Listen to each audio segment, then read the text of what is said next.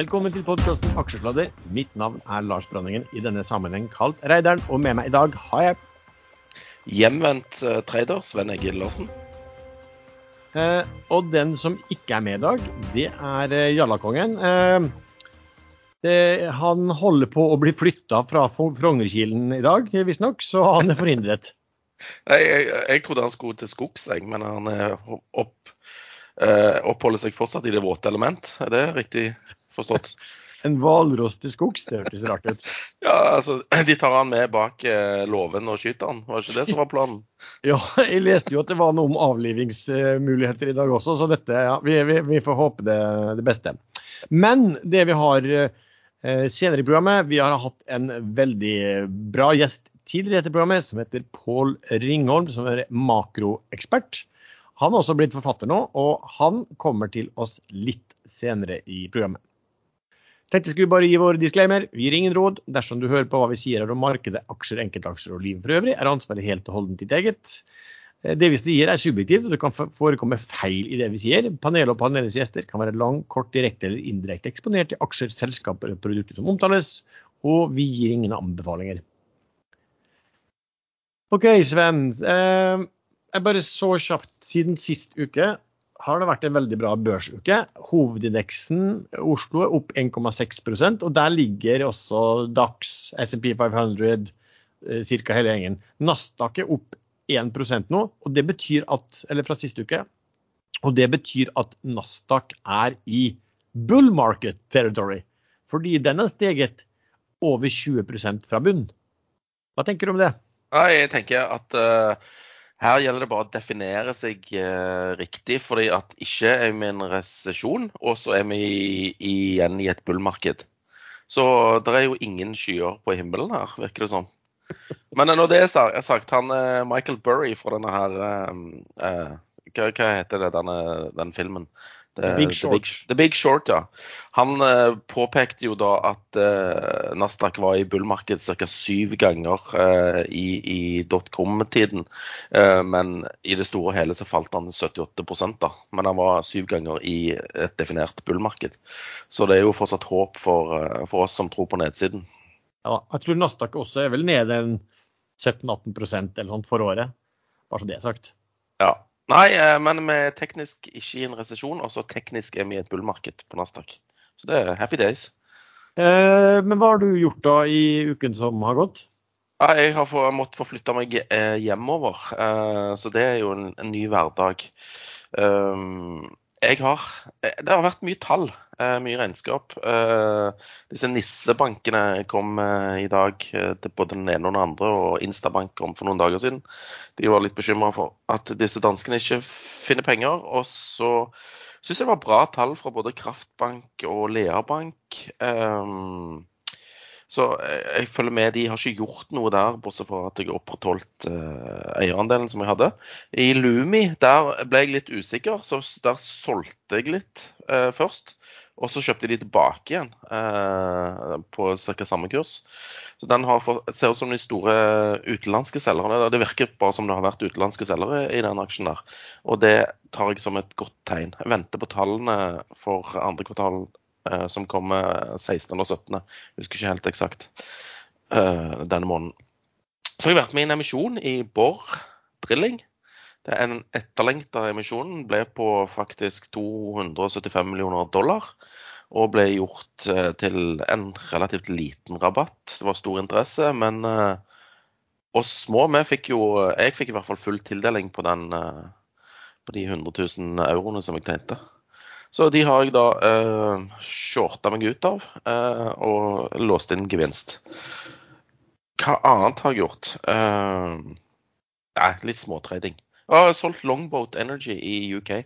Den stakk plutselig opp fra 33 til 43, så da fikk jeg den ut litt over 43. Men Hvilket selskap er det? Hva driver de med? Nei, det er gamle Faroe eh, Energy. Ah, Det er de samme folkene. Eh, De hoppet fra Faroe når de ble kjøpt opp av DNO. Så starta de et nytt leteselskap som heter Longboat. De, de er flinke å finne olje. De har allerede funnet en del og, og driver på og leter etter noe gass nå i, i Norskehavet. Så jeg vet ikke hvorfor han plutselig sp- sprakk opp, men uh, jeg takker for det. Derimot. Ehm, for min del så har jeg gjort akkurat sånn som du. Jeg var med i boremisjonen. Jeg fikk vel tildeling på da 75% men da, da fikk jeg vel da 100 000 euro, den um, tildelingen på det. Uh, og så har jeg også gjort sånn som du. Jeg har shorta for å dekke inn den uh, gevinsten, så det ble jo hyggelig på noen ikke så veldig mange minuttene, uh, egentlig. Uh, som du snakket om, har jeg sittet i og registrert også dette at den ser ut altså Når man så på aksjonærlisten her, så var det, var det vel fire utenlandske uh, nominees som solgte. Kun de uh, enkelte andre store kjøpte litt, men veldig lite. Så det var egentlig å sitte og vente litt på at de, de ble tomme, noe som det ser ut som de har gjort. da. Når vi snakker om den her siste uke, Sven, på den tredagersen, så var vel da kursen i 8,4. Den datt vel ned på sjutallet også, men nå er den nå gått, eh, gått, eh, klart opp. Og akkurat nå så ligger den vel i 9,1, eller den ligger? Den ligger 9 til 9,1, ja. Um, jeg, jeg, kikker på aksjonærlisten og ser at det er disse JP Morgan Chase, London, uh, Skandinaviske Enskildabanken, Pershing, LLC og Clearstream som har solgt. Uh, og så har litt av de norske Verdipapirfondet Holberg har eh, økt litt, og det samme har Pareto Aksje Norge, som der faktisk er største aksjonær. Um, så ja, det, det, virker litt rart, uh, hele opplegget. Man, man, skal, man, skal, huske på at dette er aktører som, som stort sett har kommet inn via uh, nedsalg. Og det ene var på uh, 50, og det andre var på 40. Så når de kaster kortene her, så har de jo tapt Ja, det virker som de bare har gitt opp. altså dette var dråpen. Så da bare ja. kasta de ut. Men ja. det kan jo være at disse kjenner hverandre, og at de òg eh, tok imot sammen. Så ble de bare enige om at nei, dette er dritt, gidder vi ikke lenger. Nei, Men jeg er litt, litt, spent på tallene og se hvor ille det egentlig står til. Og, ja. Eller hvor bra det egentlig står til. Ja, for det, for det, som vi så etter hvert, så var det sånn at for, altså i 2017 til 2019 så hadde jo de veldig gode tall på mye lavere inntekter. Eh, og så virker det som de har gira en del opp eh, i forhold til eh, at de fikk mye større etterspørsel rundt covid-perioden. Så spørsmålet blir kanskje nå når etterspørselen da faller tilbake igjen, så blir det spørsmålet hvor, hvor, mye kostnader har de pådratt seg? Hvor, hvor fleksibel er forretningsmodellen? Altså hvor fort kan De kost, de har varsla noe kostnadskutt, og så kommer de med en helt annen plan tydeligvis i forhold til mer tilpassa aktivitetsnivå de ser. Eh, og det kommer det i uken som kommer. Og etter det så blir det nok mye lettere å regne på. Ja. Eh, Men jeg, jeg, jeg kikka på og fikk litt hjelp til å hente ut tall for samordna opptak i disse årene, eh, de siste årene. Og, og, og, der var det jo 2020 og 2021 som var anomaliene, hvis det, hvis det er det det heter. Altså, det var ekstra store opptak pga. covid. Folk hadde ikke noe annet å gjøre på, så da søkte de høyere utdanning. Så, så, vi er jo litt tilbake nå i 2022 da, til normalen som var 2019 osv. Så videre. mm. Så, og, og de korrelerer nok uh, med, med liksom folk som tar opp fag og, og sånne ting. Så nei, jeg er veldig spent på, på hva de sier i neste uke. Mm, ja, ja du, Har du gjort noe mer? Eh, det har jeg. Jeg har, gjort, jeg har økt litt i denne som heter Green Energy Group, Geggen. Um, av visse årsaker. Det ene er at uh, jeg registrerer at de um, at det har kommet inn, altså det kommer lister over hvem som har gått inn i det, um, i det selskapet. og uh, da så man jo altså at uh, Jeg snakka om det i forrige, at Edvin Austbø var inne. Det var vel også da Du fikk jo også Arne Fredli inn på eiersiden. Du fikk en av disse, de, de, de kjente, da. Men og så kan man jo stille seg spørsmål om de bare vipper ut. Det ser ikke sånn ut hittil. Og det ser jeg jo at nå prøver man å gjøre endringer. Man ville gjerne ha gjort en endring på styrenivå. Eh, men det var, det var, vanskelig å få gjort det i forhold til den kypriotiske, altså siden det var allerede kalt inn til en generalforsamling. Så jeg forventer at her blir det gjort eh, styreendringer eh, ganske så snart. Og så så jeg også at de stemte ned fullmakten til styret på å kunne hente mer kapital eller trykke flere aksjer. Så, og, og, Det tyder jo på at disse tar grep. Og så håper jeg og tror at når de har gått inn i det selskapet der, som du sa, hadde det vært et seismikkselskap, så hadde kanskje kursen og prisingen vært annerledes. Men siden det sammensurer da med at de eier en god del av dette green, altså de er jo majoritetseier i disse det, green uh, minerals, um, så blir det jo litt sånn vanskelig å regne på litt sånn sammensurium. Så, og, og, og, dette er flinke både industrielle og finansielle folk, så jeg tipper at de vil ønske å få gjort uh, noe med det. Og da tror jeg også at hvis du var for et rendyrka seismikkselskap, så tror jeg at det kommer til å vise at det sammenlignbart med andre aktører i, i markedet kommer til å, i hvert fall hvis de har de inntektene og inntjeningen de har sagt de skal klare innen sektoren, så framstår de som betydelig billigere, i hvert fall. Du, jeg ser at Rexi eh, kjører på her. Eh, eh, og så leste jeg bare i, på ekstrainvestorchatten at det var noe lekkasjer fra noe koreansk media eh, angående disse han, Hanva. Hva, hva, hva, hva var det? Nei, det så, jeg har ikke fått med meg hva det, hva det var for noen ting. Eh, Men det, det, hadde noe med den skattepakken i USA å gjøre, forsto jeg. Men eh, jeg forsto ikke helt hva det var. Jeg ser bare at han er opp 9 der. Ikke jeg heller. Og... Så, men så, når, når, når, vi en sjelden gang trenger Erlend sin input her, da, så stikker han. Ja. For, for en gangs skyld, ja. for en gangs skyld. Nå, nå scroller han 22,50 her. Så ja, han er sterk. Der tok han 22,50 smakk. Er det noe annet da på emisjonssiden og nedsalgssiden forutenom eh, Borr? Um, jeg husker ikke hva tid den var, men det var et nedsalg i, uh, i Bergen, Bergen Carbon Solutions. Det var det. Uh, og den, den, var jeg med på, uh, tror jeg. Var ikke det? Den ble gjort på 37. Ja, stemmer. Og så eh, måkte jeg de ut eh, på eh, 38 på åpningen dagen etterpå. Eh, fikk ikke så veldig mye aksjer. Nå må jeg eh, spole litt tilbake, for det. jeg husker ikke hvor mye jeg fikk. Men 28 000, var det det? Ja, jeg husker ikke. Uansett, det ble en hyggelig butikk, men den fortsatte jo bare ned på spekulasjoner om at, at det var Saga Pure som hadde solgt. Han eh, tidligere sjefen der, han Sagmo, gikk jo ut på Twitter og sa at det var ikke han som hadde solgt. Eh, antallet aksjer var jo to millioner, eh, og eh, han hadde 2,28 eh, millioner Eh, på konto, men han sa han hadde fortsatt lockup, så det var i hvert fall ikke han når han hadde troa på selskapet. Men jeg hørte forferdelig at de faktisk prøvde å plassere 2,5 millioner aksjer, så det ekskluderte jo eh, nevnte Sagmo. Så mest sannsynlig, Og det var jo Saga Pure som solgte. Men eh, jeg så òg at Spetalen tok noen av disse aksjene privat, så jeg tror ikke det var så veldig bearish. Det er vel bare allokering, eh, porteføljeallokering fra Saga Pure sin side. Men var den der offentlig sånn at de meldte at de skulle det selv? Nei, det, nei, nei, nei, nei. Det var, det, dette er jo grøt, altså Euronext Growth. Mm. Uh, og der er det jo ikke flagging eller noen ting, så eh, det er bare innsidemeldinger. Så, men uh, nei, det, det, dette var i, i, nattens murmel og mørke, holdt jeg på å si. Uh, det var det prøvde å gå under radaren, men det var jo selvfølgelig noen som så det volumet ble kryssa ganske sent på ettermiddagen den dagen. Ja. Men, uh, så, men, du, ble du, men, ble du, ringt opp under dagen og spurte om du ville være med, eller hvordan var det?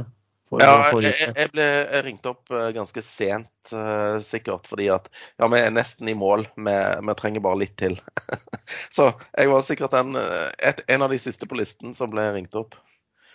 Den siste på en lang liste? Ja, ja vi trenger litt aksjer til. Ah, OK, ring han Larsen, ah, strit og lort. Han selger jo på Open uansett, men OK, vi får close dette boka her. Men du, den, den boremisjonen den jo også, ble jo også gjort da i nattens mulm og mørke? eller på en Ja, det var skikkelig nattens mulm og mørke. For det, eh, dette var jo etter close i USA, som er 22.00. Så jeg tror jeg fikk en telefon rundt klokken 23. Eh, og jeg var jo kommet hjem og, og, og, og fikk jo Altså, det var jo fem-seks eh, mailer, og så tror jeg bare det var én som tørde å ringe, og det var vel uh, godeste Pareto-megleren. Så de andre tørde ikke. Det var litt for seint. Men de sendte mail og, og tekstmelding, og uh, kona lurte veldig på hva jeg holdt på med. ja, det var det så sent på kvelden. ja, plutselig så begynte det å plinge i, i, nye mailer og tekstmeldinger og alt sånt der. Og, og, det var jo var det fem-seks meglere? Tror jeg fikk, tror jeg fikk fem ulike meglerhus eller noe sånt. Ja, eneste jeg ikke fikk, var, var dette Cleaves eh, som jeg ikke er kunde hos. For jeg vet ikke helt hva det er for noe. Men eh, ja. Eh, ellers så var de veldig på. Og han ene, han ene sa jo, eh, eh, sendte melding Ja, jeg ser på Ekstrainvestor at du har tegna. Eh, kan du tegne hos meg òg? Altså, fordi de ville jo dele på denne kommisjonen. da. Så da måtte jeg jo Jeg tror jeg delte på fem eller seks meglerhus. Ja, ja. Da ble alle, alle ble litt fornøyd. Ja, jeg- han fra Pareto ble sikkert misfornøyd. Han måtte dele, måtte, han måtte dele med andre enn han hadde ringt. ja. Han er eneste som tør å ringe. Da har vi fått besøk av en eh, kjær tidligere gjest. Pål Ringholm, velkommen til oss. Tusen takk. Hyggelig å være tilbake igjen. Pål, eh, siden sist eh, vi snakket, det har gått en stund og da har eh, viktige saker skjedd. Eh, Leeds har holdt plassen sin i Premier League. Eh, og du har skifta jobb, og du har ikke minst skrevet bok. Eh, fortell hva som har hendt på deg siden sist. Det, vi, kan, vi kan gjerne i detalj gå gjennom Brentford-kampen, da. Siste kampen til Leeds i fjor. Jeg prøvde jo å få tak i billetten, men det var helt umulig. Selv, selv til ublue priser så var det ikke mulig. Men så jeg måtte se den. Men du har rett til det. Eh, Jeg har, begynt å jobbe, begynt å ikke bare prate, men faktisk investere. Faktisk gjøre noe. Ikke bare prate, men, men gjøre noe. Men gjøre det jeg sier. Men det, det er faktisk veldig, veldig, veldig morsomt. Og så, selvfølgelig da, så skrev jeg bok. Det satt jeg og gjorde oppe på et loft i Paris uten voksenkontakt og torde ikke å dra hjem før jeg hadde skrevet boka. Så, eh, så den er ute nå. Hvor, la- hvor lang tid brukte du, brukte du på å skrive boka? da? Nei, Jeg hadde forberedt meg med- mentalt og eh, disposisjonsmessig, så jeg satt eh, oppe på åtteetasjen i et skråloft da, i, i Paris, som jeg faktisk gjorde, da, for jeg måtte isolert da, fra resten av verden. da. Um, Jeg satt i 14 dager og skrev, da, så det er mesteparten er gjort da. Men så, så er det selvfølgelig noe arbeid etterkant. men det, det er den tida det tok. da. Hadde du sånn rar hatt, stripete genser og, og bagett under armen i, i den 14-dagersperioden? Nei, da hadde jeg brukt tre uker, så da, det hadde jeg ikke tid til. men jeg gikk selvfølgelig da på Jeg hadde det grunn til var litt forskjellige grunner til Paris, da. Men uh, en av grunnene i hvert fall da kunne, kunne gå og ha lunsj på, sånn fattig kafé hver dag. da, så det er sånn, og, og, og, og føle at eh, man levde det gale forfatterlivet. Noe jeg ikke gjorde, da. Jeg satt bare og skrev. Hva, men hva, hva, hva heter boka, og andre ting jeg lurte på når du, når du skrev boka, er at det er jo skrevet mye sånn bøker type makro, og alt det. Hva er det du ville skrive om som kanskje du ikke hadde følt var, var, var, var blitt skrevet om da, på en god måte tidligere? Ja, Det som ikke er skrevet om inn, eh, på norsk, i hvert fall. Eh, boka heter 'Rik på, rik på gjeld'. Eh, og eh, det, det, det, Den har to deler. Det ene er å beskrive hvordan man kan tjene penger. Da. Hvordan man kan eh, sikre sin alderdom eller hva det måtte være for noe, gjennom å investere i obligasjonsmarkedet. Og demystifisere det her eh, merkelige markedet, som tilfeldigvis er et kapitalmarked, et finansmarked, som er større enn aksjemarkedet. Så det er jo greit å, å vite hva det er for noe. Det andre delen er hva du kan bruke det her markedet til. og det er, det er alt fra hvordan du kan sparke makroøkonomen og heller bruke rentemarkedet til å spå eh, hvordan eh, det er flere hvordan rente og gjelder har spilt inn og spiller inn nå, både i forhold til Kina, Italia og boligmarkedene rundt omkring i, i verden, inkludert Norge. Eh, og hvordan det her markedet Jeg skrev det her i oktober i fjor, da, andre halvdel av oktober i fjor. da. Og, og, og, eh, og, og, hvordan det her har vært å skape boble, og hvordan det her en dag skulle, skulle komme en nål og stikke litt hull i det her, eh, fordi at renta var for lav. Og det er jo den vi har fått gleden av å oppleve da i, eh, i første halvår av 2022, der obligasjonsmarkedet har vært omtrent like dårlig som var i 1788, året for den franske revolusjonen. Du har jo sagt tidligere her at det er rentemarkedet som styrer. Ja, ja, ja altså det, det, det i navet i finans er rente. Og og det har det alltid vært. Eh, Så, så det er veldig dumt å eh, Selv om du putter alle pengene dine i aksjer, la oss si du har 100% aksjeallokering, da, så er det fryktelig dumt å ignorere rentemarkedet. Um, Det er jo rentemarkedet som har både vært en viktig bestanddel til den festen som var i tech-aksjer de to foregående årene, og til netto, da, bortsett fra siste måned selvfølgelig, men eh, netto til den eh, den, den, kraftige nedturen som har, vært, eh, som har vært der. Altså rentespiller over i, eh, i, alle andre markeder. Men du, eh, en ting som jeg gnålt ganske mye om i eh, aksjer det, det, det, det, er mulig jeg er litt sånn feil ute på det, men man kaller jo det for rentemarkedet. Det ene er med sånne hvaler som dominerer og som kan trykke penger akkurat som de vil.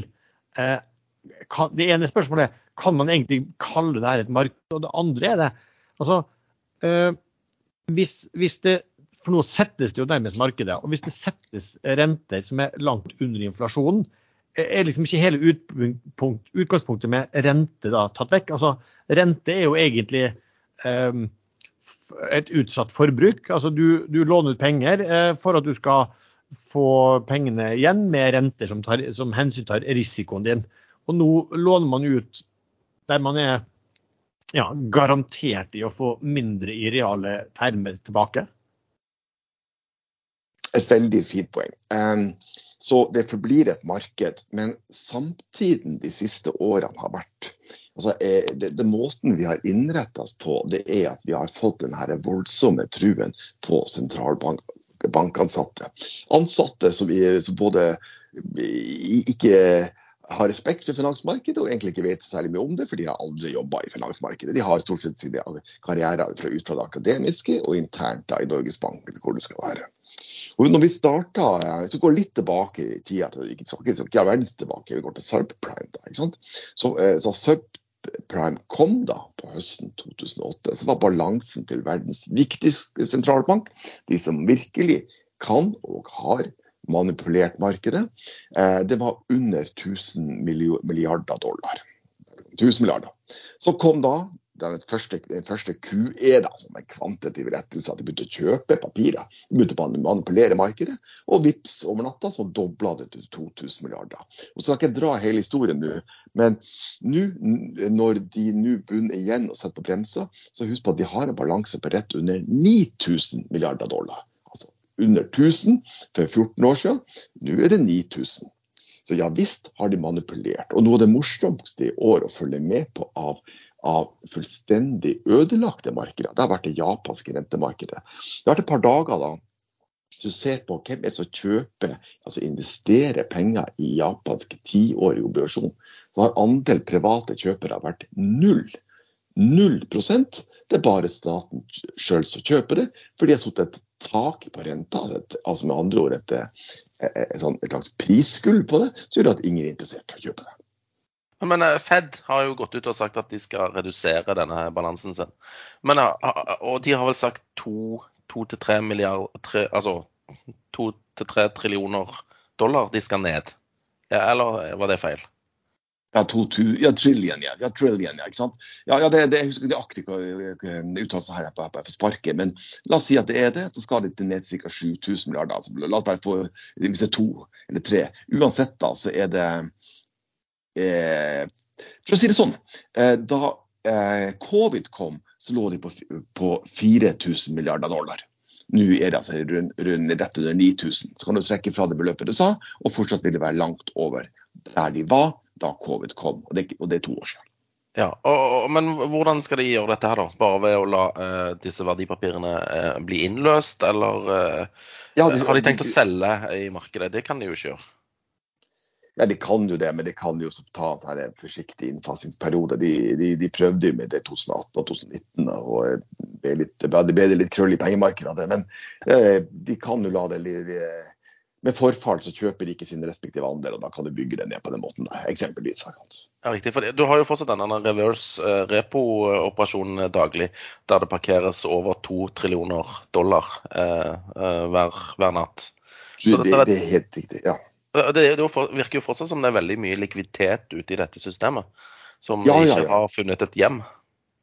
Jeg er helt enig, og det, og det markedet du refererer til, det er veldig rare reverse repo-markedet, som er sånn et sted der institusjonelle investorer kan plassere sine penger til en mikroskopisk rente, da, ja. eh, som er styrt av Fed New York. da, ikke sant? Eh, for eh, ett år, et, et, et halvt år tilbake så var det jo dramatisk. da Det var 1000 milliarder dollar plassert her. Nå, eh, for det var altfor mye likviditet. Nå er det 2000, ja.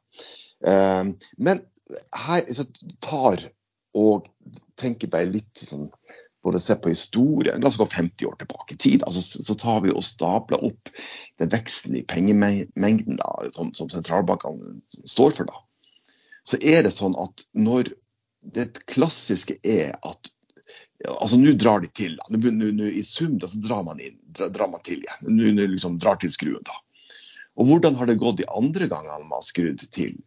Man skulle bekjempe inflasjonen i 74, eller Volker skulle ta Det var første gang man gjorde det, man gjorde det bare halvvis. Eller Volker virkelig skulle drepe inflasjonen i, i rundt 1980. Vi har en Japan-sprekk litt senere, og så har vi det ene og det andre. Og så har vi da, hvis jeg hadde visst en graf på den nå, så vil jeg si at en inndragning relativt sett i likviditet nå er enda større enn da Volker skulle ta livet av inflasjonen på 1980. Så hvordan det eh, så du har rett i at det er mye likviditet her. Men hvordan det, det, marginalen kommer til å spille seg ut, det er en annen ting. altså. Det kan jo hende at det, det kan bli tøft, men kanskje ikke. Hun også, ikke sant. Det er et sånt spørsmål som, som igjen logisk. da. Man var på fire trillion eh, ved inngangen til eh, covid, og så er man på ni nå. Altså, når man snakker om at man skal tilbake igjen til sju, kanskje, eller seks altså, hva, er, liksom, hva er det som rettferdiggjør at du i hele tatt ikke skal gå tilbake igjen til fire? Nei, det er, altså, ingen, det er ingenting bortsett fra at hver gang sentralbankene har tydd til den ene ekstreme tiltaket etter andre, og mange kan jo si at det måtte de gjøre, men, men, men, de har tatt det for langt. Man burde aldri ha senka renta til null bare for å ta noe helt opplagt. Så, så, gjør det at folk tilpasser seg. Det er jo det som er er trøbbelet her. Trøbbelet er at det som virker som en teoretisk flott idé, da, blir et kjempeproblem i det øyeblikket alle tilpasser seg. Og hvordan tilpasser det? Det ble Se hva som har skjedd at man bare heiv ned renta til null og lot den bli liggende etter covid. da, Som tross alt var en temporær, rask, veldig brutal nedstengning av økonomien. Altså, hva har skjedd med boligmarkedene rundt omkring i verden? Inntil helt nylig. Vi vi prate om eventuelt etterpå. Men nei, det har jo gått rett i taket, selvfølgelig. Altså, og vi har hatt denne lengre perioden der Tina pluss FOMO har vært et, altså, et kjært par. par altså den, eh, at man har både Tina altså en, en, en, Jeg tror ikke at det finnes noen andre alternativer. At det er jo null, du må plassere pengene sikkert dum. Eh, og, og, FOMO, at du er redd for å gå glipp av festen. ikke sant? Og, og de to effektene har vært voldsomt sammen. Og Derfor har vi jo fått da i verdens eh, største aksjemarked, selv om det blir noe repriselig på året, fått et av de dyreste markedene på 200 år. der. Nå, nå, er jo da um, Fed på gang med å, å, sette opp renten. De har vel så, så smått begynt i, uh, innenfor uh, eurosonen også. Altså, uh, hvor er vi på vei, og, og, og hva, eller for eksempel, hvor tror du vi er på vei i forhold til hva de selv tror? Hva Fed kommer til å gjøre? Du, jeg, jeg, jeg, tror Fed er sånn at um, man Eh, det blir jo spekulativt da, å spekulere i personligheten til advokaten som jeg liker å kalle han, Powell, altså han som leder Fed. da.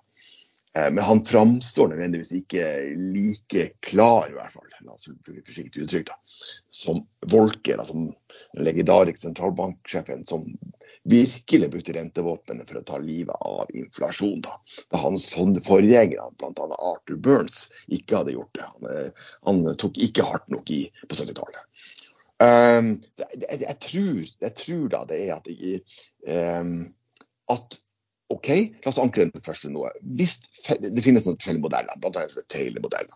En modell som, som, som, tar utgangspunktet i hvor, hvor he, mye aktivitet i økonomien og hva inflasjon er. Sånn enkelt sagt da. Og så kan, du, så kan du putte noen faktorer inn der, og så kan du si hva burde renta i dag være? Og det burde være ca. 9 da. Der er den ikke. Kommer Fed til å øke renta til 9 Nå trenger de ikke det for inflasjonsskalaen, kanskje er rundt peak, men til 7, 8, 9 Nei, de gjør ikke det. Og hvorfor gjør de ikke det? Nei, fordi at det er dobbelt så mye gjeld som det var på 70-tallet. Da de gjorde det sist, eller sist gang de virkelig dro det til. Så da får du bare en eh, altså det 70-tallet. Nei, for da får du en, resesjon, du får en depresjon. Så de kommer, Derfor tror jeg de kommer til å stoppe et sted. altså 3,5, jeg har sagt 3,25 er det, men, men det, det, kan være 3-4 av et eller annet sånt. Altså 3,25 til 4. Det kommer til å stoppe der, og så kommer det heller til å la inflasjonen ligge et stykke over 2% Og så kan vi heller få en risiko for en stagflasjon. Og det er bedre det enn en depresjon. Men tror du de klarer å få den inflasjonen til 2% Nei, det er jo, Svaret er jo ja, hvis du bare gir et tilstrekkelig langt tidsintervall. Men, men, men umiddelbart så vil jeg sagt nei.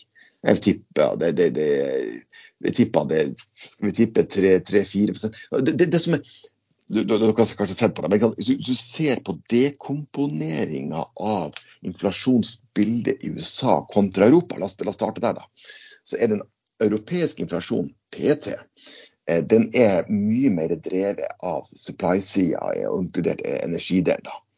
Mens i USA så er det mye mer likt fordelt etter hvert hva er det som driver inflasjon? Så sier vi at det er tilbudssida, altså alt det type knappheter som nå holder på å forsvinne. Energisjokket, men også på etterspørselssida. Det, det, skjer ting der også, inkludert arbeidsmarkedet. Så, eh, og, og, og, ergo, eh, da går ikke liksom inflasjonen automatisk liksom bort igjen. Eh, og Det som er veldig rart, det er at alle vi som har studert et eller annet en gang i tida, og hørt på erfaringer fra tidligere tider, da, har jo lært at hvis inflasjonen går over, så kan du diskutere om det er 5, 6 eller 7% Den amerikanske inflasjonen har vært på 9, så det, er greit, vi har god margin. Så er inflasjonen neste dag altså liksom, er på samme nivå. Altså ergo. ergo. Det er sagt litt enklere. Det er vanskeligere når inflasjonen går over et visst nivå, 5% pluss, da, så er det mye vanskeligere å få det ned inflasjonen. Altså Alle har jo lært at det er vanskelig, det er vanskelig å få ned inflasjonen, men vi har fortsatt sånn tidsånd der vi har opplevd negativ rente nei, nei, nei, ja, det har vi også opplevd, men rente som har gått ned da, i 40 år. At, tanken på at renta skal være høy en periode, har ikke helt eh, slått, eh, slått, rot i, i altfor mange sinn. Nei, at, men altså, det, er jo, det, er jo, sånn at inflasjon, Nå har jo man begynt å øke renta eh, litt, i, men inflasjonen har jo da, i hvert fall inntil helt nylig, steget mye raskere. så Sånn sett har jo Den negative realrenten har jo egentlig blitt større og større. Og negativ realrente er jo en form for stimulans, det også? Uh, ja da, uh, men til slutt så må den bli positiv. da. Det, det, det, det er en annen sak. da. Um, men, men, ikke sant, det er mange måter å eh, Et par ting her. En ting er under krigen, da, men vi må også huske på da, i tillegg da, at hvis jeg bare tenker meg om, jo, hvis jeg går tilbake da, jeg går tilbake et år da, hva trodde amerikanske økonomer, ikke amerikanske verdens beste økonomer, da, at inflasjonen skulle ende på i år, da, altså i slutten av 2022? Nei, de trodde den skulle ende festlig nok på rundt 2,5 altså. Nå er de liksom åtte et eller annet, ikke sant? eller åtte, åtte sub. da. Så ergo, vi er blitt veldig veldig overraska over det her. da. Og så kunne jeg jo da eh, realrente så, men jeg, jeg, kunne jo da da har jeg en modell på da, men har vist da eh, hvordan realavkastninga er på, på, på aksjer. Eh, ut sånn GIL-begrep. da. Og den er jo veldig, eh, veldig negativ nå, da. Tenker, tenker, du da på, på eh, inflasjon i forhold til utbytte, eller noe sånt du tenker på, eller? Ja, ikke sant. Ikke sant? Det, det, det, det, den type tankesett. Og så, så eh, eh ergo aksjemarkedet tar et veldig bedt og Det er som en forrett, altså. Men det, så altså, opplever markedet i dag. Markedet i dag tar bettet på, og det er godt mulig, at, at inflasjon er forbigående eller slash mild. Eh, så mild at det, det, er greit og at inflasjon veldig kjapt kommer ned igjen. For det, det, det ligger i prisinga. Mm. Men øh, ja, aksjemarkedet det er jo det lytterne våre stort sett interessert i. Hva, hva, hva, hva, tror du da om aksjemarkedet? Er det noen ting aksjemarkedet øh, tar feil, eller er det, noe, er det stor fare for at de tar feil? hva, hva tenker du?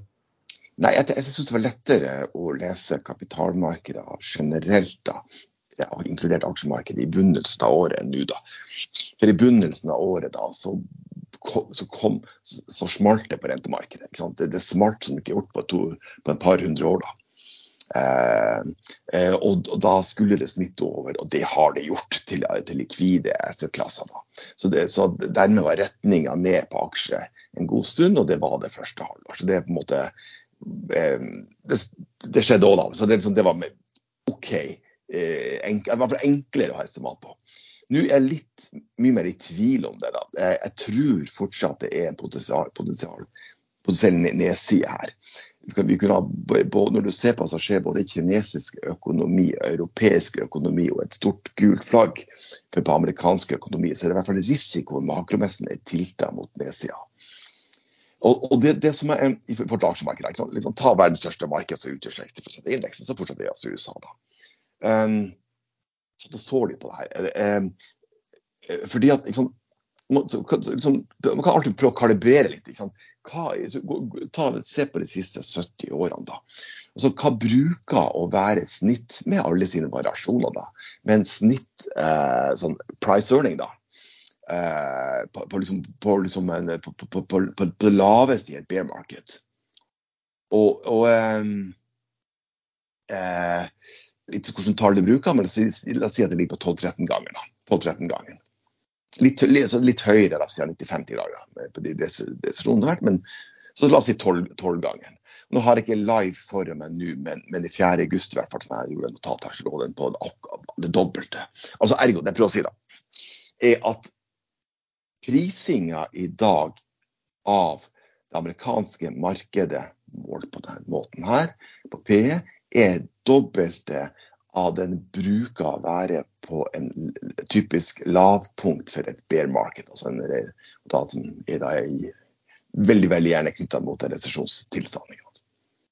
Men, den, men den P-en som brukes da, er det dagens, eller er det på estimatene? Uh, den er så på da uh, Jeg må ta det litt på husken, da, for det er et par uker siden. Det, det er, det, uh, jeg tror det var dagens, og ikke forward. Mm, okay. Men jeg, jeg, har et lite spørsmål uh, angående toåring versus tiårig amerikansk rente. Der ja. har jeg skjønt at den er blitt pervers. Og, og når den blir pervers, så, så, pleier det å bli resesjon. Altså, Jeg vet at dette er invers, men uh, det, det hørtes kjekkere ut med pervers. Ja, ja, ja. Nei, du, der, der vil jeg jo selvfølgelig slå slå et slag, da i desperat forsøk på å øke boksalget på at her må du kjøpe boka. er, har, står det uh, tydelig beskrevet at uh, står, når den er invers, så blir det resesjon? Det står såpass tydelig at det, det, det fikk en, en, anmeldelse av boka, da, en, en god nå, i Finansavisa. Så, så, så, så, mente de at det burde være, burde være en nedre aldersgrense på akkurat det kapitlet. ja, det, er, altså, det er altså sånn at det er, Spredden er jo kommet opp i 34 punkter i dag, tror jeg det var. Eh, og han har vært i 40. Og i Great Financial Crisis eh, så var han 50 eh, punkter. Så Det er, så, det er sånn at hver, hver gang um, den blir negativ, da, så nærmest da, så, eh, så, er det resesjon. Og hver gang det skjer, så er det en haug med folk som vil fortelle deg at du ikke bryr deg om rentemarkedet akkurat denne gangen. det skjer hver gang. Eh, den dagen jeg ble negativ så la jeg den ut på Twitter-kontoen min, og da hadde jeg telle alle artikler deretter på hvorfor man ikke skal bry seg om det. Men eh, vi har jo også snakka litt om her da, om, om man er i resesjon eller ikke. og Det er jo en sånn, det er jo en sånn teknisk bedømmelse. Ja, ja, ja, som man et, etter hvert har man vel gått over til å lage man, Jeg tror han, han Powell han brukte et, sånn, et holistisk eh, syn på det, eller et eller annet sånt. Da, så man skulle vekte masse ulike ting, og, og det var ikke så lett å, eh, å finne ut av. Men, men uansett, nå, nå, ser det vel ut kanskje som BNP i USA i tredje kvartal tegner, sånn, tegner brukbart. Men, men, tror du liksom USA og Europa er på vei inn i en resesjon ganske snarlig? Altså, eh, dagens hva skjer med en økonomi når du øker energipriser med 10-20 ganger? Skal vi ta en runde rundt bordet først på det? Da blir ting eh, dyrere. ja, her går det unna. her går det unna. industrien i Tyskland vil slite? Ja, for eksempel. Der er du, her er du inne på noe, altså. Uh, det er sånn at um, uh, altså sånn fun fact, altså, i hvert fall i forrige uke da, så på det, så Eh, altså, halvparten av eh, husholdninger i Tyskland driver og fyrer med gass da, ikke sant, omgjør til elektrisitet. da. Og den gassprisen som var for, forrige uke, da, sikkert, sikkert høyere nå, den tilsvarte en, en, oljepris på 600 dollar fatet. Um, så, så da, da, kan vi anta at sannsynligvis har det en negativ innvirkning. Så Europa resesjon, det er check. inkluderte UK, Tsjekk, Kina. Hadde ikke vært for at det var sånn, så mange andre temaer vi hadde brydd oss om, så hadde det vært artikkel opp og ned om det kinesiske markedet. Der er det godt mulig det går bra, men det er noe sånn som 90 milliarder dollar som blir borte i aksje- og obligasjonsmarkedet knytta til eiendomsinvesteringer i inneværende år. Eh, det er et virkelig stort tema i seg sjøl. Og USA eh, eh, Øvrig verden, OK. Eh, og, og, eh, og, og, USA er det, sånn som mine modeller tilsier, så er det ikke rødt lys, det er ikke grønt lys, det er, det er sånn mørkegult lys. da. Mørkegult lys da. Og der gjelder også USA, da, som har liksom, også i, så får vi se hva det her ender med. Kanskje var det bare en sånn teknisk resesjon i to kvartaler som kommer tilbake, eller kanskje kommer den til neste år, kanskje kommer den ikke i hele tatt. Det, det, får vi jo se, da. Men man må bare huske på at når man bruker arbeidstallene, eller ser på ledighet, så er jo ikke det den ledende indikatoren. Det er jo selvfølgelig også vært inne på det i boka, da, men eh, du skal begynne å se når ledigheten begynner å tikke opp. Og, og, eh, det, og, det gjør det over et visst antall måneder. Da vet du at sjekk, da kommer også resesjonen til USA, selv om ledigheten fortsatt er lav. Så får vi se hva som skjer der. Eh, det var en kar som, som sendte et spørsmål. Han følger tydeligvis på Twitter og ser litt på ulike grafer du har.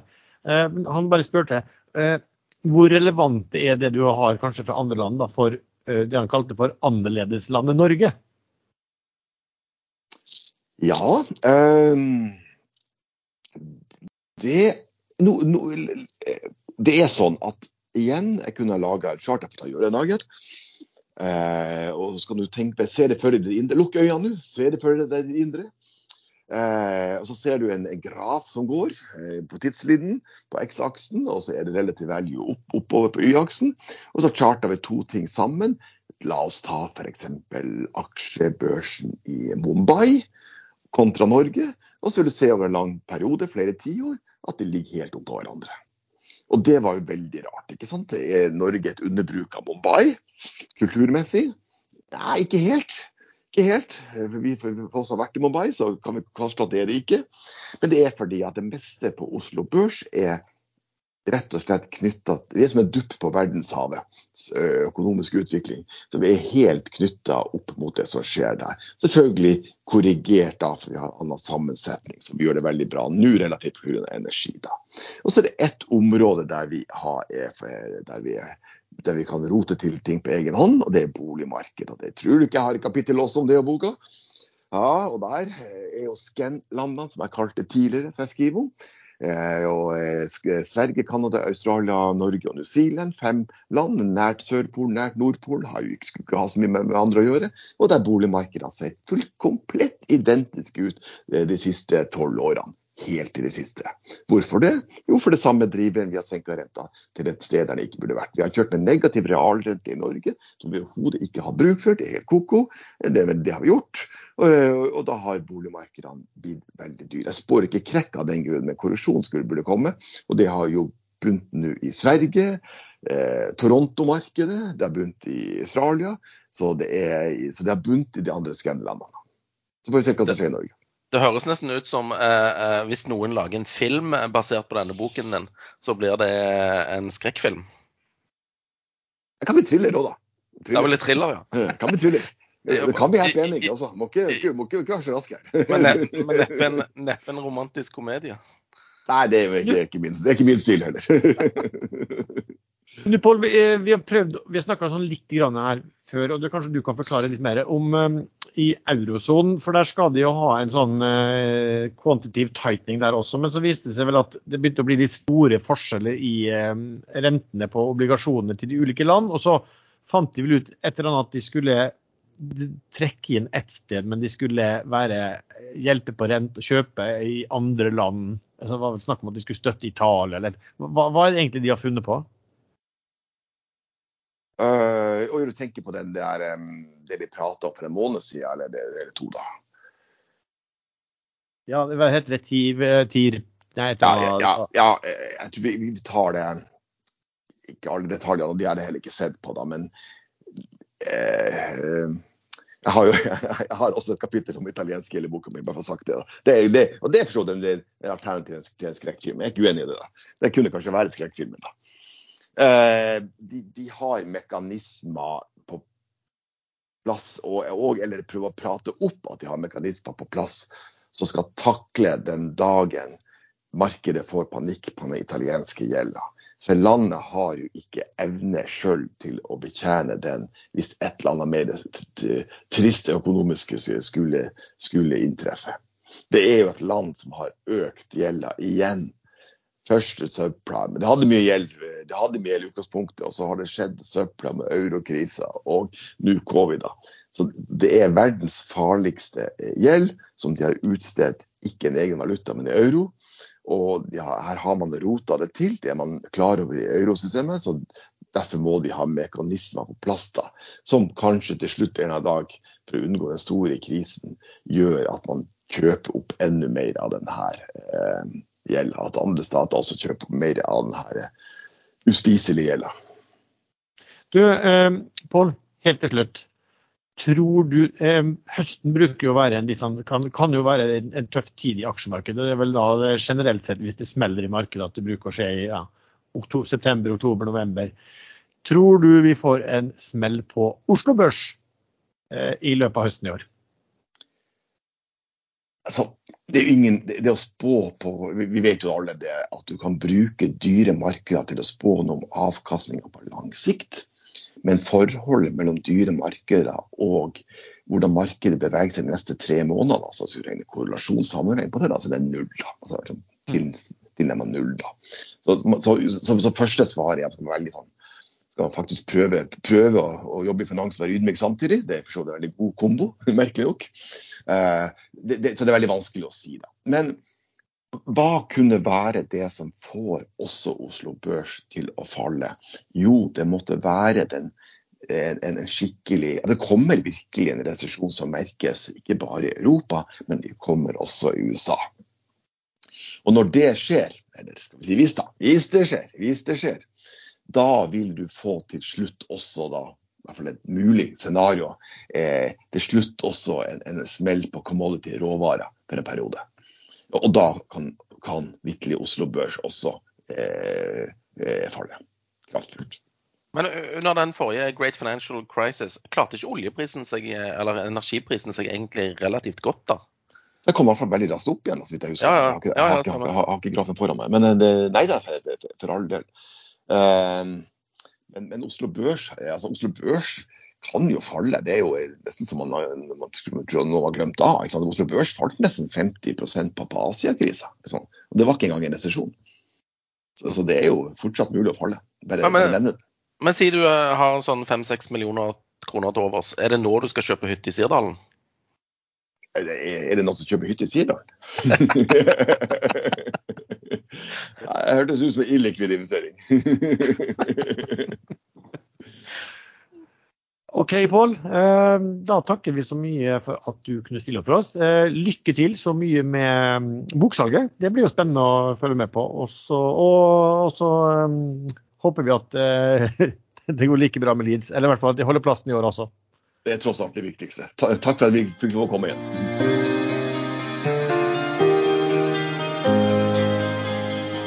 Så over til vår hovedsponsor Skilling, som er en skandinavisk eid CFD-megler. Skilling tilbyr lynrask handel i norske og globale aksjer, indekser og ETF-er, olje og andre råvarer, valuta og mer enn 50 forskjellige kryptovaluta.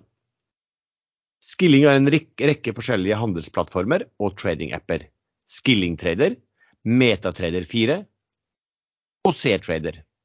Du åpner konto med bank-ID, og alt kan handles med eller uten giring, long eller short, til meget lave kostnader. Skilling har nylig nærmest fullstendig fjernet spreads på kryptovaluta, samtidig som de nå også tilbyr kryptohandel uten giring.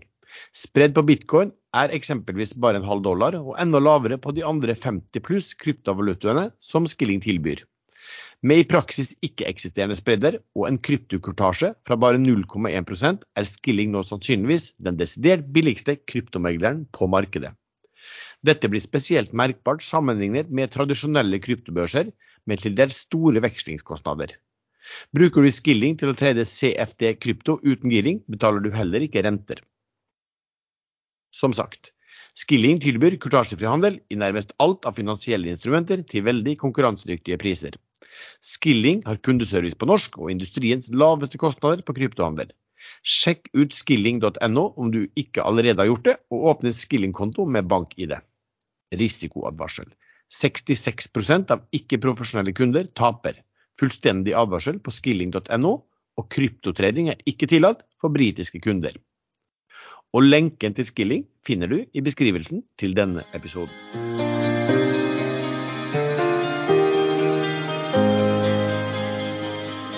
Eh, da har vi eh, fått eh, avholdt en veldig interessant samtale med Pål Ringholm. Og da får vi vel gå over til det vi bruker å avslutte hver episode med Sven. Har du noen favoritter eller noe spesielt du ser på i uken som kommer? Um, ja, det har jeg sikkert. Men på vegne av Erlend så skulle jeg bare si at han var, han var veldig bull på Pexip. Det var i går, det. Før tallene. Nei, det han var ikke det. Det var, det var en stakk bare kjøp Pexip, sa han, og så stakk han til ja, Gir og kjøp. Ja. Short Kahoot. Nei da. Uh, jeg kikker på og jeg har så vidt snakka om den tidligere, men jeg kommer til å holde den Lumien eh, over tall. Uh, bare for å se uh, hva som skjer. Også I tillegg så er jeg litt bull på denne Lea-banken, og skal faktisk begynne å se på Kraftbank. Fordi at de meldte om en egenkapitalavkastning på ca. 14,9% og det er veldig bra. Lea hadde bare litt over 10, så da, da, vant de. Men er fortsatt litt dyr på bok, da, denne Kraft. Så må gi han et par kvartaler til, så, så er han prisa til bok.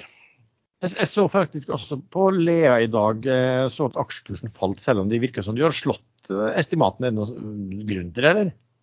Nei, jeg vet ikke. Uh, jeg er kanskje litt lav return on equity i forhold til de andre. Sånne mm. nisse, nissebankene. Fordi at Kraft leverer 14,9 og, og Lea rundt 10, så ja. De, de, kan vel sikkert bli litt flinkere på inntjening. Men jeg, jeg så kommentaren fra Pareto, og det, de sa at, eh, at Lea slo estimatene. Så de var Men det samme sa de om, om Kraft òg, da. Kraft hadde ingen tap eh, i løpet av kvartalet, så det, det hjelper jo litt på inntjeningen. Så får vi se videre da, hvor, hvor, mye de kommer til å tape på at folk ikke klarer å betale regningene sine. Jeg merka forresten når jeg kom hjem at uh, matvarepris Jeg hadde, dro jo før 1.7 og kom tilbake og skulle handle litt uh, i går. da. Jeg så at uh, matvareprisen hadde steget relativt betydelig uh, i forhold til det jeg var vant med fra før sommer. Ja, hva er inflasjonen? Kom det noe inflasjonstall på Norge? Var ikke det på, oppe på sekstallet eller sånt, sånn generelt sett? Jo, men det var vel høyere på mat. Helt sikkert. Ja, så nei. Det, det blir artig å, å, følge med på om ting begynner å bite litt. Nå kommer det vel en renteheving òg i, i, neste uke, så spennende tider. Du, eh, Rigg har jo gått som bare juling. Har du noen ting fortsatt der, eller? Eh, nei, eh, men jeg, jeg, ser til min forbauselse at eh, kursen på disse her eh, TransOcean-obligasjonene har falt litt tilbake. Selv om eh, egentlig aksjekursen har klart seg bra. Så da er jeg veldig fornøyd med timingen av, av salget av de. Eh, noe annet du ser på? Eh, jeg ser på golf. det er jo playoff eh, på gang i PGA her med Hovland. Eh, ja, hesene bak disse her beste. Så jeg kommer til å se litt på golf. Både i dag og i morgen og på søndag, forhåpentligvis. Ellers så når det gjelder aksjer, så nei. Det, jeg ble Ja, nei. Jeg er litt usikker. Det har jo gått opp mye, som du sier, på relativt kort tid. Så jeg er litt sånn Markedsmessig uh, så vet jeg ikke helt om vi skal opp, ned eller sideslengs neste uke. Ja.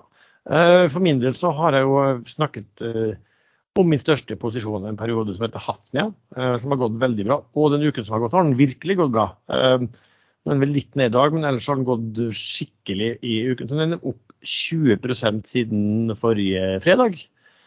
Uh, har kommet, altså de, de, det er veldig høy, god inntjening i produkttankmarkedet. Så har det kommet nye, klart økte kursmål fra, fra et, eh, en rekke meglere som også drar den, eh, den, videre. Sitter fortsatt i Valaris i USA, som går. Og i dag har også Wilhelmsen, altså Holding, begynt å gå litt. Disse her skipsrederiene går jo veldig. Og, og Valenius Wilhelmsen, som da, er, som da er det største eierandelen til Wilhelmsen Holding har jo også gått eh, kraftig eh, opp, men den, den, legger jo veldig der. Eh, denne jeg skulle, begynne, skulle snakke om, som var litt sånn ny for meg, det var Navamedic som kom med tall i dag. Og da kom det litt volum på markedet som jeg kunne kjøpt litt på også. Altså, det der er jo en distributør av andres produkter og egne produkter inn mot, mot der kundene er sykehus og apotek. Um, driver innenfor da, hva skal vi si, nutrition. De har altså consumer health, branded genetics og speciality pharma. Altså det, det de har mye fra, er obesity, altså eh, overvekt. Eh, og det er jo et stort problem i, i verden. Hva? Overvekt? Nei, det er ingen, det er ingen, ingen, ingen aksjesladder som vet hva det betyr. Nei men har de, har de, kur mot det, altså? De har eh, i hvert fall et uh, produkt som uh, de selger veldig, veldig mye på. Um, som har mer enn akkurat det produktet har mye mer enn dobla, salget sitt i løpet av de siste tolv månedene. Nå kom de med tall i dag, og Q2 var jo kanongod. Eh, litt av årsaken til det var nettopp at dette her som heter, jeg tror det heter Musimba, som er sånn reseptbelagt slankemiddel, det hadde de leveringsproblemer på en periode i, i, første kvartal, faktisk litt ut i andre òg, men det virker som de har hentet det inn igjen. Sånn at da ble tallene ekstra gode i, i kvartalet. Men hvis du ser på selskapet, da, du, og, og de, jo, de, eier jo også en del av dette Observe uh, Medical, så hvis du trekker vekk det cashen og ser på rentebærende gjeld, så kan du si at hele selskapet prises da til en sånn enterprise value på ca. Ja, 500 mill. Eh, og så leverte de da altså en EBIT i dette kvartalet på godt over 20 millioner. Altså driftsresultat. Men det vil nok ikke være riktig, da. Men si hvis du sier at de kommer opp kanskje i år på et driftsresultat på, en, på, på 50 Ehm, det er litt av det noe bedre andre halvår enn første halvår. Så, så prises de liksom ca. til ti ganger driftsresultatet. Eh, og det er jo ikke så verst, fordi at eh, altså, veksten i driftsresultatet i første halvår var 370% og inntektene økte 40% på det. Altså hvis, du, hvis, du, hvis du holder QT alene, da, så hadde jo driftsresultatet økt med 650 Eh, og, og omsetninga med 67 men, men her varierer det litt, da. Jeg har aldri skjønt hva de holdt på med, egentlig. Nei, så de, de, de selger også type, hva skulle du si, sånn uh, Hvis du har diaré, så selger de det. De selger painkillers. De selger, selger sånne urologiprodukter. Antibiotika. Generiske uh, bit. Men den store biten som de har virkelig fart i, er, da altså sånne slankemiddel. De har også kjøpt et svensk selskap, så de er ikke bare distributør av andres, eh, selskap, eh, andres produkter, men det er også egne nå. Um, så de har da altså veldig, veldig god eh, inntjening. Det, eh, hun som er toppsjef der, virker veldig eh, flink, eh, veldig hva skal du si, nøysom, ikke skryter opp, leverer det hun skal gjøre. Så, så liksom, hvis du ser på dagens nøkkeltall, og du ser på hvilken vekst de leverer på topplinje, og ikke minst da på, på, på, på driftsresultater, så syns jeg det begynner å bli interessant. Så, så det kan godt være altså det, Jeg vil bare si at det er veldig, veld, veldig laber likviditet i den aksjen der. Eh, så den kan da godt være at jeg kjøper, og så blir den liggende i, godt i, inni skrivebordsskuffen. Hvem vet. Eh, men, men jeg vil jo tro at de er i et marked som uansett Eh, hvordan konjunkturen utvikler seg, så, så um, ja, bør, det, bør, det, være et bra Nesten spesielt om relativt mot andre i en, en, en, nedgangskonjunktur, så burde det være et bra område sånn sett. Men, men eh, de, de greiene de selger masse av, er, er det egenutvikla eller er det distribusjon? Nei, den, den selger mest av akkurat nå, det som heter den Musimba, det er noe som distribuerer. Og Der har de rettigheten til det til. De har, de har en enerett da, på Norden. Eh, kanskje mer enn Norden nå, for alt jeg vet, men det har de til 2027, da. Altså okay. ca. fem år fra nå. Eh, men så har de også eget, kjøpt et svensk produkt, og da har de også fått egne obesity-produkter.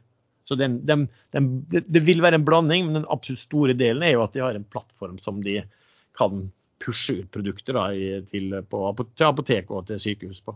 Ja, jeg tror eh, Sist gang jeg leste om disse, så drev de bare på med noe sånn kosttilskudd. Eh, ja tror jeg. Ja, og det, Det, det har de fortsatt, men det er en liten del av det. Altså, okay. de, de, har bygd, de har bygd opp Jeg synes det er ganske imponerende hvordan de har bygd opp det, det selskapet der. og jeg så også på presentasjonen i dag, og hun snakka veldig mye om at de demonstrerer skalerbarheten. Dvs. Si at eh, selv om de selger veldig mye mer, så, så øker liksom ikke personalkostnader og andre driftskostnader noe særlig. og Det, det ser man da med en gang på, eh, på, på bunnlinjen. Altså, klart hadde, første, hadde andre kvartal hadde det vært liksom det nivået du kunne forventet framover, så hadde det vært et kanonkjøp med den veksten. Men, men her, her må du, tror jeg nok du må se første halvår eh, heller på tallene. Så det var, eh, det var en eh, liten nyhet som vi ikke har eh, snakket noen ting om eh, tidligere, tror jeg. Eh, Ja, jeg, jeg begynte akkurat å kikke litt på han i og med at du snakker om han. Og jeg ser jo det du sier om likviditeten i aksjen her. Eh, På en god dag så går det 20 000 aksjer. Ja, og i dag har det gått 150 000. Da, så det er liksom typ Så, sånne men, dag, dager, er ja. nesten sånne dager, Hvis du skal inn, da, på en måte, sånn dag du nesten må gjøre det for hvis, du skal, hvis du skal gidde. Men du blir fort eh, du blir veldig fort eh, innelåst i den, så det er ikke noe tradingaksje. Eh, Så tenker jeg ut ifra de tallene at det, det gjør ikke noen ting å bli innelåst i den aksjen hvis de eh, fortsetter å, å, å vokse. Og jeg ser ikke noen grunn til at de ikke skulle gjøre det. Og det, er vel det jo toppsjefen guider også, at de, de, eh, eh, de satser på, på klar vekst. Eh, Minst så- 20 på topplinjen. ja, på mellomlang sikt så forventer de en milliard kroner i årlige driftsinntekter. Det er jo det er ikke verst. Selskapet er priset til 500 mill. as we speak. Ja, og jeg tror da de sier at på det nivået så skal de ha en EBITDA på 15% Det som er litt greit med dette, her var at, er at de har, de har ikke masse altså de, de, har, de har ikke masse avskrivninger, og, og, og, og de aktiverer ikke mye. Så, sånn, sånn at EBITDA her er jo nesten lik eh, EBIT eh, eh, i selskapet. her da. Så du kan tenke deg at du, hvis hun har, når de målene, så vil de ha et driftsresultat på 150 millioner. Eh, Men eh, ja, det er litt fram, og kanskje de må gjøre oppkjøp for det, og hvem vet. Så. Men det viktige er bare å fortsette veksten, liksom. Ja. Altså, jeg Helg kom med eh, resultatet sitt nå. Annet kvartal. Det er bra, bra, bra tima. Helg. De slipper tall på fredager. Ja. du tror det er bevisst, eller? Ja, jeg tror faktisk det. Nå kan vi ta helg, sier de. Og så slipper de tallene. Sånn er det. Um, ja. Er det noe annet du vil snakke om før vi tar helgen?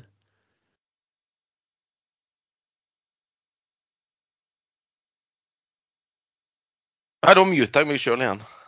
Uh, det, det er uvant. Jeg har vært to måneder borte liksom, og holdt på med dette eh, gamle headsetet. Og så nå er jeg tilbake foran uh, to skjermer og, og dette gaming-headsetet. Så det tar litt tid å komme inn i det igjen, uh, føler jeg. Nei, jeg syns egentlig vi bare kan ta helg med god samvittighet. Og det fine været og fyre opp grillen og ja, få gang på det.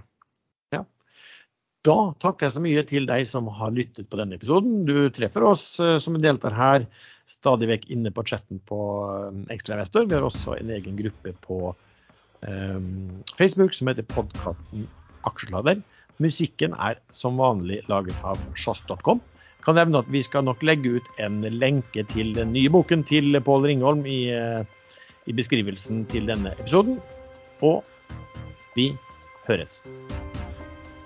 Tok du opp, forresten? Faen, jeg glemte ja, Nei.